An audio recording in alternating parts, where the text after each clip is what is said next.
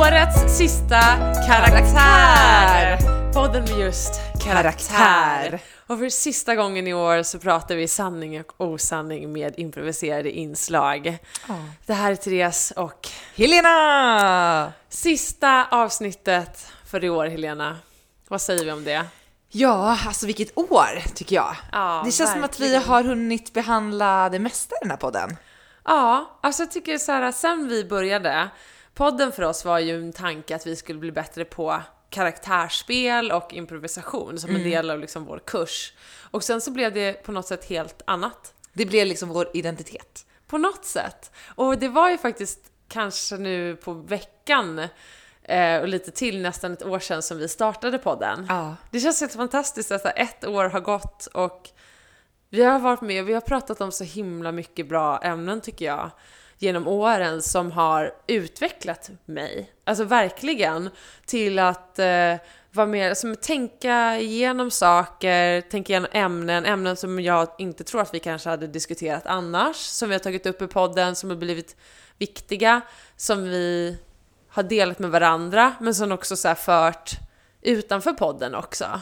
Verkligen, det har varit superintressant att höra vilka ämnen som ni lyssnare har reagerat på och velat samtala kring och sådär efter att ni har lyssnat på våra poddar. Det har varit väldigt kul. Och sen en annan sak som jag tänkt på är alltså hur uppmärksam man blivit på sin omgivning. Ja, det har så rätt. Ja men du vet man kan Ah. sitta på en middag eller en fika och man tar in vad folk säger och hela tiden tänker bara okej det här är ett jättebra poddämne, det här ska jag ta, ta med Therese, det här ska jag berätta för Therese och det här ska jag prata med podden. Alltså du vet man har hela det, alltså alltid det fokuset vilket är ganska intressant. Vi har ständig liksom research och ögonen och öronen öppna på vad som händer i vår omgivning. Och det tycker jag är spännande att man också, jag har börjat se människor mer som karaktärer. Mm. Och som en människa i form av en karaktärstyp. Och vi har ju verkligen träffat på jättemånga och pratat om flera här i podden. Har du någon favoritkaraktär? Ja, ja, men du vet att jag har. Det är ju, det är medelålders män. Och det, jag kommer inte släppa det. Det är vår favorit. Han finns alltid med oss. en hatkärlek kan jag känna. Ja, jag tror också det. Men är det inte lite intressant att så här, ju, ju mer man tänker på det så är alla människor en karaktär. Vi, vi, vi formas ju av det. Och jag, när man tittar liksom på människor när du möter det eller i samtal och så här, ah, det är den där typen, så tycker jag att man förstår människor mycket mer. Ja. Man kan säga att efter det här året har vi, har vi lärt oss förstå människan. Ja, vi blir liksom så himla mycket mer kloka Ja. på det här. Ja, verkligen. Och alltså, vi fick ju faktiskt också, vi måste ju säga det här i podden, det var ju Nobelpriset. Nobelpriset delades ju ut här i 6 december var det va? I, tionde va? Tionde, förlåt. Eh, Samma varje år. Samma varje år. Och eh, eh, inte nog med det, vi vann ju faktiskt. Oh, jag Nobelpriset. missade ju den här kvällen, Ah. men jag hörde att du höll ett väldigt stort och fint och engagerat tal. Ja, det vet jag inte, men jag fick tillfälle att återigen prata om de ämnena som är viktiga för Du oss. talade till kvinnor och män. Jag talade till både kvinnor och män och eh, jag tackade alla er lyssnare. Så om ni inte var där då så vi kanske kan lägga ut det här klippet och se om det finns någonstans när jag tar emot det här Det kan- fantastiska priset. Populärkulturpriset. Ja, det är ett väldigt, nästan största priset faktiskt. Eh, det, det, det, är säga. fredspriset. Mm. Och det fina var ju att det var bara du och jag som fick pris hörde också. det. Inga andra pristagare fanns på galan. Vilket kändes ännu mer viktigt. Då har vi verkligen satt våra spår. Så vi tackar er eh, Sara och Magnus för denna fina hedersutnämning. Ja. Jag lovar att de talade för hela massan Ja, när, ja, vi, när vi fick det. Självklart. Ja, nej men alltså, det här eh, må vara vårt sista avsnitt för i år, men inte vårt sista avsnitt någonsin. Nej, vi kommer tillbaka. Ja, Men du, eh, nu tycker jag vi sätter igång den här. vi kör igång.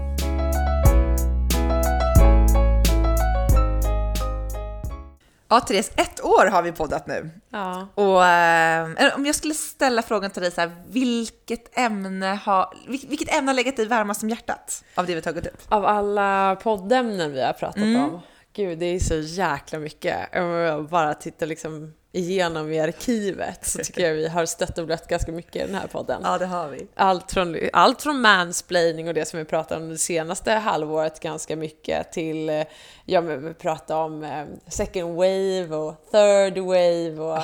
Svenska modellen. Ja! Kan uppdatera mig på vad svenska modellen var? Ja, men det, ju, det, det här är ju myntat av en, av en nära vän till oss Ja. eh, och eh, det innebär ju att man, man går hem och testkör eh, redan första kvällen. Ja, just det, precis ja. Så träffar man någon trevlig man, kvinna ute så går man hem och helt enkelt testkör innan man bestämmer sig för om man ska fortsätta dejta eller inte. Jag tycker det är en bra, det är en svensk modell, klassiskt. Hemsläpsmodellen kan det ja. kanske också kallas. ja, precis. Jag tycker det är skitbra. Så när vi pratar om vad, vad man får och inte får göra efter 30 till Ja. exempel. Det var också en viktig milstolpe. Vi fyllde ju båda 30 år. Verkligen, mycket, mycket viktiga grejer där. Och passion or pension, Ja, också en favorit. Om man ska liksom drivas av sin pension eller sin passion. Ja. Det tycker jag är, mm, det är alltid intressant. Jag tycker att det har varit väldigt fint, eh, alltså väldigt många bra ämnen som vi har gått igenom, men det som jag tror vad som satte mest spår, det är kanske mitt dåliga förår. Ja, jag vet. Jag har verkligen jag har legat sömnlös av ditt dåliga förra året. Det, och det, det är ju sant, alltså nu när jag tittar tillbaka om det, jag hade faktiskt ett jävligt dåligt förår. Ja, det hade du verkligen. För det är alltid bättre när man tittar i backspegeln och kan se när någonting förändras. Och du- Jag tror att du sa det så himla bra, för du sa det så här, nu vänder vi. Någon gång i sommar när vi skulle ha sista avslutet för sommaren, eller så här, jag skulle fylla 30, så sa du så här, nu vänder ditt år. Och jag kan verkligen säga att det gjorde det. Ja. Från att ha haft ett ganska pissigt liksom, och tyckte att saker var skit i alla, typ alla områden i livet. Det enda som var bra då, det var typ mitt kärleksliv. Men resten bara föll. Och sen i efteråret, jag tror att det var att jag hittade min spirituella sida. Ja, det kändes som att det här någonstans så, så, så vände det för dig. Ja, och jag tror när vi pratade om så här, vilken nivå, eh, vilken frekvens man ligger liksom i livet och vilken frekvens man har till andra människor och hur man väljer att se på saker, om man ser så positivt eller negativt i saker. Jag har verkligen anammat det. Jag har verkligen tryckt på de sakerna som eh, varit positiva med saker, ändrat min inställning till väldigt många saker och försökt att leva så. Det, har alltså det verkligen förändrade från den hösten och så som jag lever nu, jag känner att jag är en mycket mer positiv människa. Jag tror Ja. alltid varit optimist, Ja, det har du alltid varit. alltid varit optimist, men jag är extremt mycket så här renare. I'm a, it's a pureness in my soul. And I can see it and I can feel it. ja, det enda som jag kan tycka så här, det är att jag har nu kommit när man stöter på människor som inte delar min frekvensnivå. när jag möter människor- Vilket kanske är Vilket ganska är- många. Vilket är ganska många. Alltså så här, du vet människor i tunnelbanan som beter sig otrevligt så här. Jag har så svårt att köpa det. Jag har kommit liksom i clinch med människor som jag inte tycker delar min nya positiva anda. Och så här, behöver, jag behöver säga och tala ut till dem. Typ som en jävla sändebud. Så jag går liksom så här, som en lärjunge. Som en apostel. Jag blev som någon apostel i svenska tunnelbanesystemet.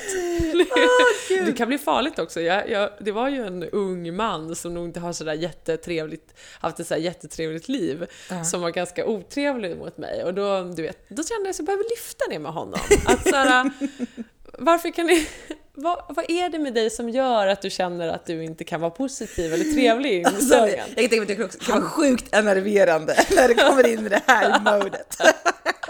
Men det, jag är ju nästan på, han är ju nästan på att slå ner mig. Jag kan tänka mig det. Han ville ju döda mig och Henrik behövde gå emellan. Jag, jag, jag, jag var verkligen provocerande för honom. Och då var jag tvungen att prata med en, eh, en annan tjej som har jobbat på det här tänket mycket längre än mig. Och hon sa det så här, man måste lära sig att även om du befinner dig i ett positive mode så kan inte du bota världens själar att liksom gå i någon slags... Fast jag gillar ändå, jag gillar ändå att du, att du tror att du kan göra det. Jag tycker det är en härlig, det är en härlig känsla att ha ändå. Att du känner att du kan påverka andra med din eh, positivism. Ja, ja, vi hoppas ändå det. Jag tänker ta med mig det ändå till Ja. nästa år tänkte jag. Jag, Men du ehm, då? Nej, men alltså jag känner att, eh, fan om du har haft ett bra eh, efterår, Mm. så känner jag att mitt efterår har liksom saggat efter nu på sista tiden. Det där är så sjukt, för det är sant ja. Ja, men det är, eller så här, det är som att december blev dåligt. Resten av året var toppen, december dåligt. Du, du, fick din, eh, du fick din skit ganska sent. Nej, men jag fick all min skit en och samma gång i december. Men det är, jag tror så här, som människa så måste du ha en del portioner, bumps in the road som min mamma brukar kalla det, under hela, he, hela året. Det Ja. liksom, det, vanligtvis kanske det sprids ut så jämnt, men du fick alla dina bumps på fick- en och samma månad. Jag fick alla mina på en och samma månad. Jag tyckte det var lite oförtjänt. Och jag kände så här, hela liksom året har varit så oförtjänt bra också. Du vet, Ja. jag verkligen, jag har haft ett bra år. Ja. Och sen bara kände så här, kunde inte bara december också bara fortsätta lite i liksom smooth sailing och så kunde väl skiten spritt ut sig lite grann under 2017 istället. Mm. Men så tänker jag så här, om allting händer nu, då måste ju 2017 bli bra. Vet du vad, jag tror du håller på att rena dig nu. Jag tror också det. Du, liksom, du måste bli av med skiten jävligt snabbt för att cleant cut till nästa år. Vet du vad jag ska göra på nyår? Nej, berätta. Det här kommer du få vara med om. Jo, för jag tänker precis sådär. Jag måste renas, något spirituellt måste hända. Ehm, jag ska ha en liten seans på nyår. Ja, vad spännande. Jag har köpt en eldkorg. jag ska köpa ved. Och sen ska jag installera den här eh, eldkorgen på vår kompis eh, uteplats. Ja. Och sen ska vi liksom ha en seans ihop. Alla, alla, alla på fördrinken ska ställa sig och ska alla ta med sig någonting. Så när vi eldar upp som var dåligt med 2016, slänger det i elden och sen går renade därifrån in i 2017. Vi ska alltså ha en bonfire. Yes! Och jag älskar det. We're gonna have a barbecue det. baby!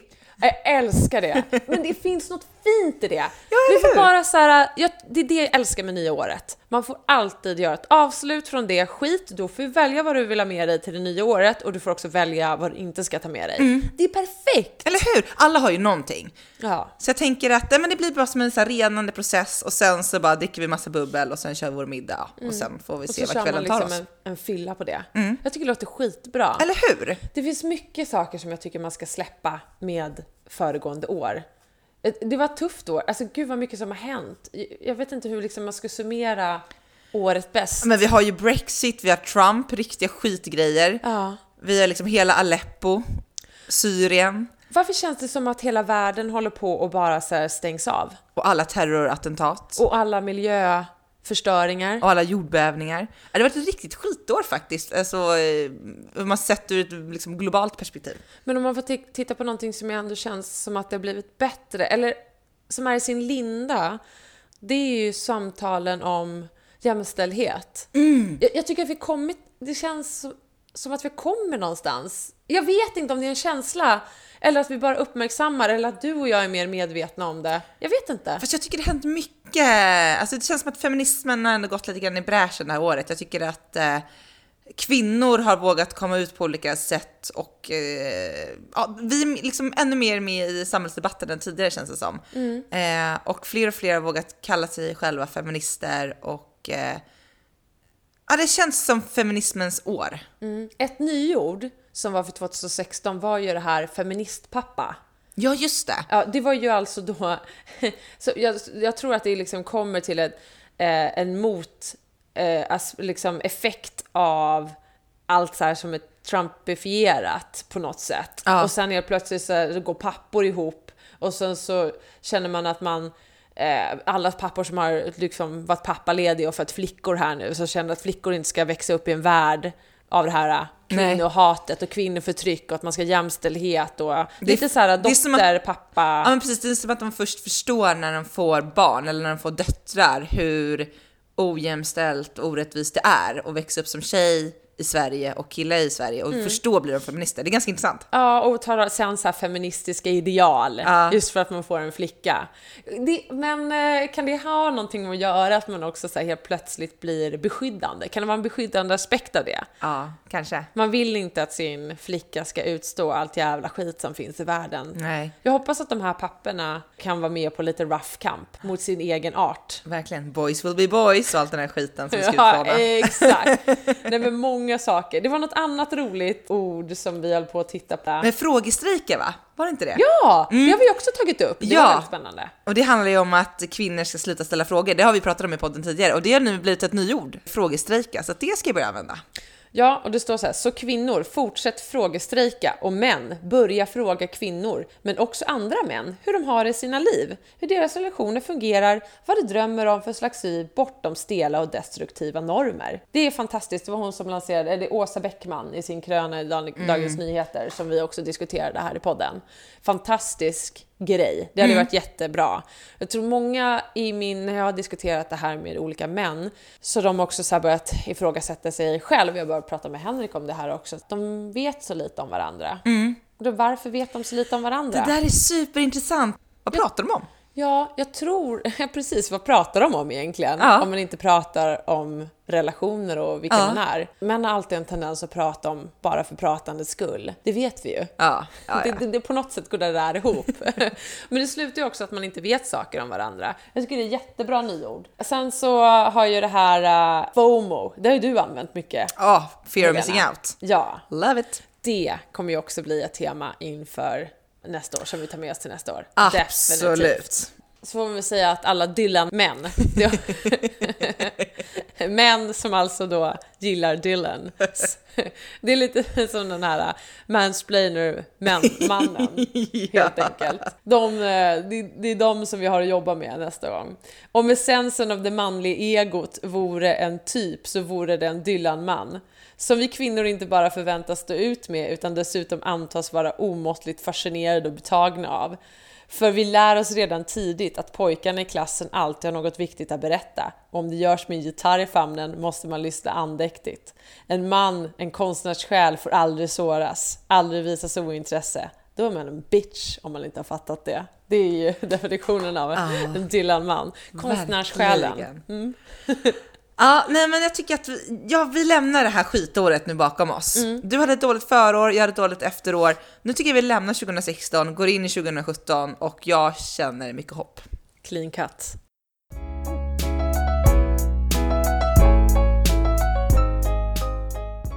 Skrämd eller sugen, skrämd eller sugen, skrämd eller sugen. Skrämd eller sugen är alltså när man är så skrämd så att man blir sugen.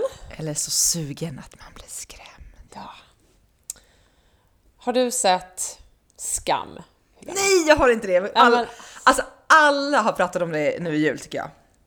Alla. Den har ju kommit sent till Sverige. Det här är alltså den här norska ungdomsserien som har redan gått ett tag eh, och inne på tredje, eller precis avslutat tredje säsongen tror jag i Norge, men som vi precis upptäckte i Sverige. Och det har enat hela eh, mänskligheten, jag säga. ja, men alltså, åh, det finns någonting så himla sjukt med den serien som trollbinder allt från att 15-åringar upp till liksom 35-40-åringar i den här serien. Och eh, det handlar om relationer och situationer som ungdomar i 15 med 15-16 års åldern får vara med om. Eh, Och det är så drabbande. Du är så drabbad när du tittar på den. Och jag tror att det är någonting med det, så här, det är känslorna som du känner som projiceras och som kommer tillbaka Ja, från men är det det? Jag skulle fråga, är det det som är grejen? Att man, att man känner igen sig så mycket i de här känslorna som var, som var så på något sätt mycket starkare när man var 15 än nu? Att, att kommer liksom upp, återupplever man sina tonår? Jag tror det. För Även om det är så här, jag var nog en ganska så stökig tonåring. Jag har nog mycket att känna igen mig i, men jag tror att gemene man känner känslorna. Det är så här känslor som du inte har känt sedan du typ var 15 år. Nej. Du känner med dem så mycket, för det blir, på, det blir så extremt på riktigt med de här karaktärerna. Det är fantastiska rollkaraktärer, alltså extrema rolltolkningar som är superbra. Måste Även om de det så här här. karikatyrer av sina så här, roller så är de så himla skickligt gjorda. Jag tror alla känner igen sig i det. Men framför allt är det projiceringen av den här skammen, ångesten eller kärleksruset eller sorgen som bara så här, ditt hjärta typ exploderar. Det hoppar typ tusen varv när du tittar på den här serien och du kan liksom inte sluta att älska och hata och du vet följa med de här ungdomarna. Gud, okej. Så det är ju då, vi ska prata om det i vår skrämd eller sugen Ja, skrämd eller sugen inför att vara 15 år igen. 15 år alltså. Jag har ju en liten... hatkärlek till, mina, till mig själv när jag var 15. En del av mig, alltså jag var ju klassisk sån här mittemellan person. Jag var inte en av de populära, jag var inte heller en av de som var mobbade, utan jag var ganska så här mittemellan. Men ganska omtyckt och hade mycket vänner och så. Vi har ju Ehm, pratat om att du hade mycket killar runt omkring dig. Ja, men det var tidigare. Ja. Nej, jag pikade inte när jag var 15. Nej, okej. Mm. Eh, nej, när jag var 15 var, hade jag, ja men då var jag väldigt kär i en kille som inte var kär i mig tillbaka. Ja. Ehm, Och det måste varit jobbigt. Ja, och det var så mycket, du vet, och så var han kär i en annan tjej i parallellklassen och de blev tillsammans och du vet, men det där var ganska tufft liksom, kommer jag ihåg. Eh, och så var det så mycket, man kände att man, ja, men man hade väl liksom, man hade väl hånglat lite, men det var mycket man inte hade gjort eller testat och så var man, ja, man var liksom inte redo för det, men man var nyfiken på det och undrade om det något skulle hända. Och man, du vet, det var mycket sådana där tankar tyckte jag. Eh, nej, vet du vad, jag jag känner mig nog ganska skrämd av att gå tillbaka. Jag tycker nästan att det är härligare nu. Fast jag vet inte, när man tänker på den här... äh, När, man, när jag ser på den här serien till exempel och känner alla de här känslorna, man kände så mycket. Man kände, även om det var liksom jobbiga tankar, så kände man så extrem så här, äh, lycka också och kärlek. Jag tror jag var nog en riktig jävla drama queen när jag var 15-16. Jag tror ingenting annat. You still are. I'm still, I still am. Men det var, då var det så, så fruktansvärt. Alltså jag kastades mellan liksom Ja. fruktansvärd ångest och till det här eufori och lyckan av kärlek och så här. Jag hittade faktiskt min dagbok Nej, hos mamma fint. nu under julen.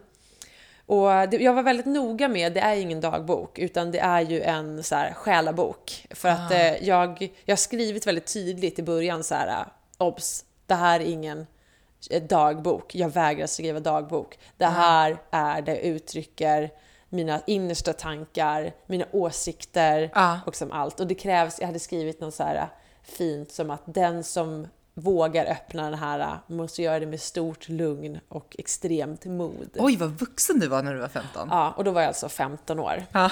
Drama. Jag började skriva den här 2001. Och där är jag så här, det är roligt att lära sig känna sig igen på nytt. För att jag var nog, en, jag var nog samma person, jag men jag var nog lite annorlunda på det i liksom mitt känslosätt. Jag har ju bland annat ett kapitel där står, där, som heter Mina fem killar.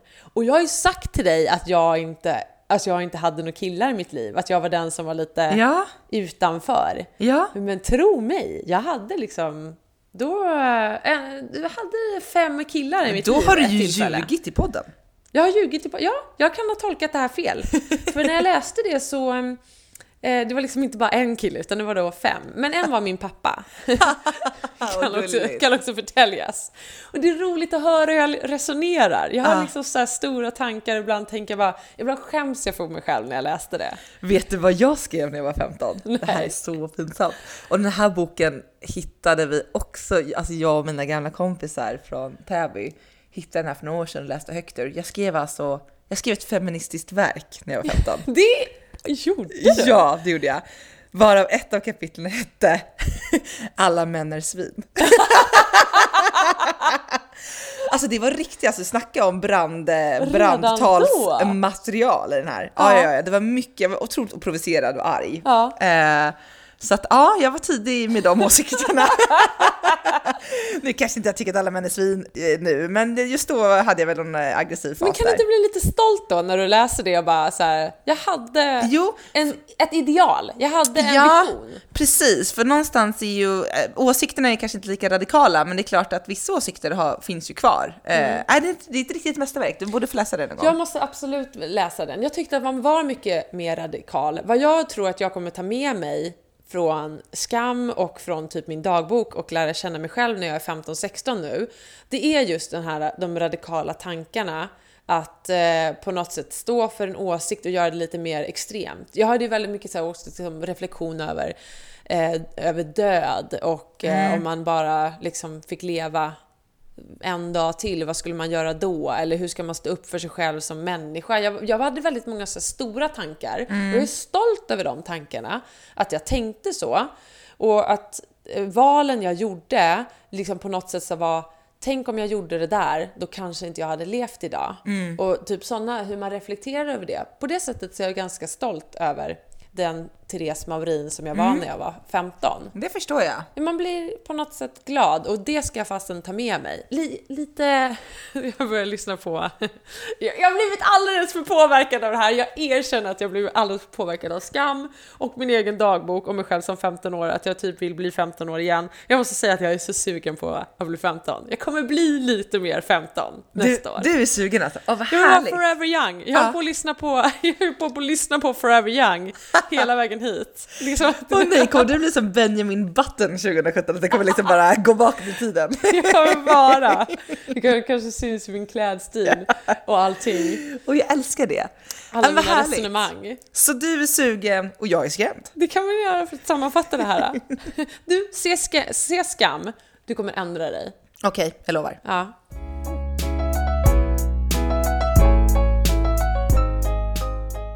Ring klocka, ring! Ring in eh, det nya och eh, ring ut det gamla. Ja, och 2017 närmar sig med stormsteg.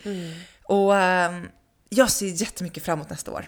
Jag med. Jag, eh, jag hade en diskussion bara nu i, för några dagar sedan om att 2017 ska bli stökets år.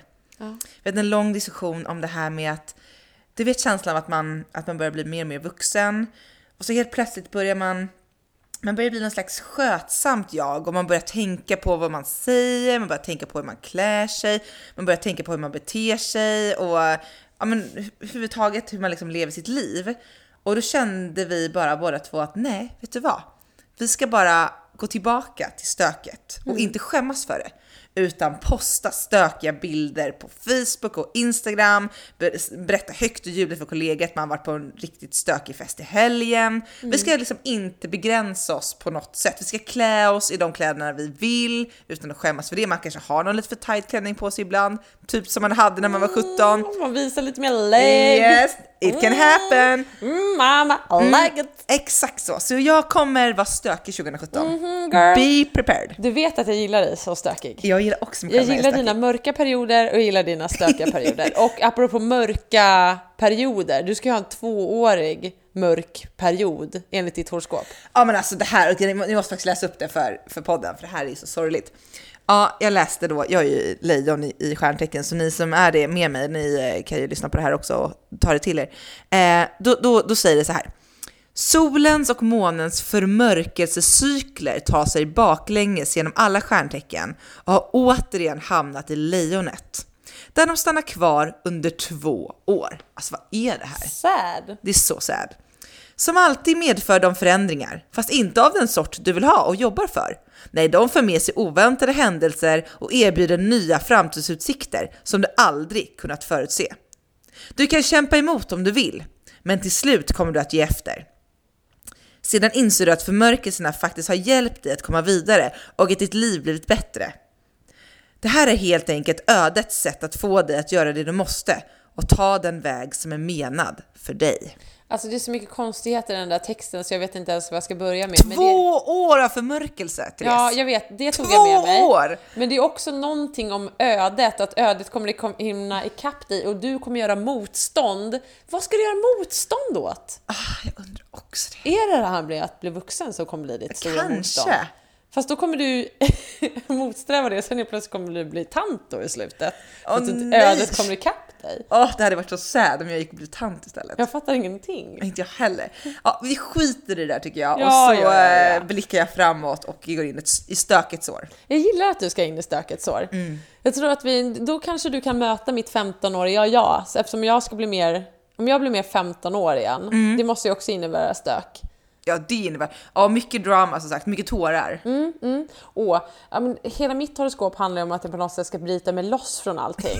Vilket är oroväckande i och med att du ska gifta dig i år. Ja, det 2017. står verkligen så här. Allt jag vill göra är slå dig fri i relationer, i karriär. Jag ska fly och slå mig fri mot någon slags fängelse. Jag kanske måste prata med Henrik. Vad, vad kommer det här innebära? Han håller mig för hårt, det är det jag säger.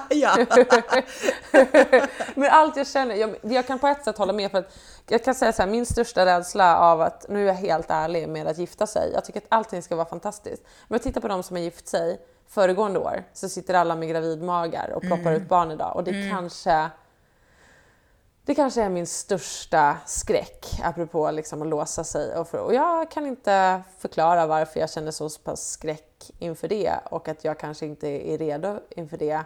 Men det kommer en massa saker med ett giftermål som jag inte har signat upp för än. Nej, det kommer mycket så här förväntningar på ett gift par. Precis som du säger, att det blir det här direkt ett år efter. Alla bara “haha, är det inte dags för barn snart? Och hoppsan, ni köper en trea, är det där ett litet barnrum?” Alltså det är mycket sånt där som kommer. Jag blir så mörkrädd för det. Det är kanske är det jag slår mig fri från. Det är kanske Du har det ju som är min också, grej. om jag, får, om jag får dela det i podden, har ju du också gjort en tatuering.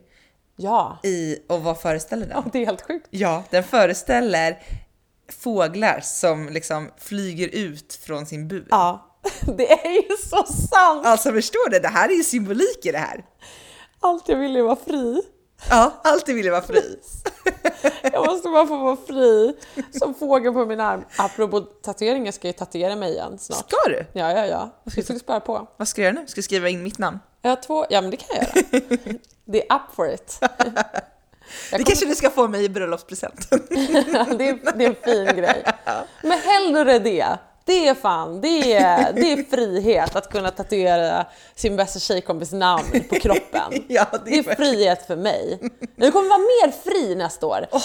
mer fri och sen kommer jag ta en kamp. Alla måste ha en kamp. Vet du vad min kommer bli? Nej. Nästa år.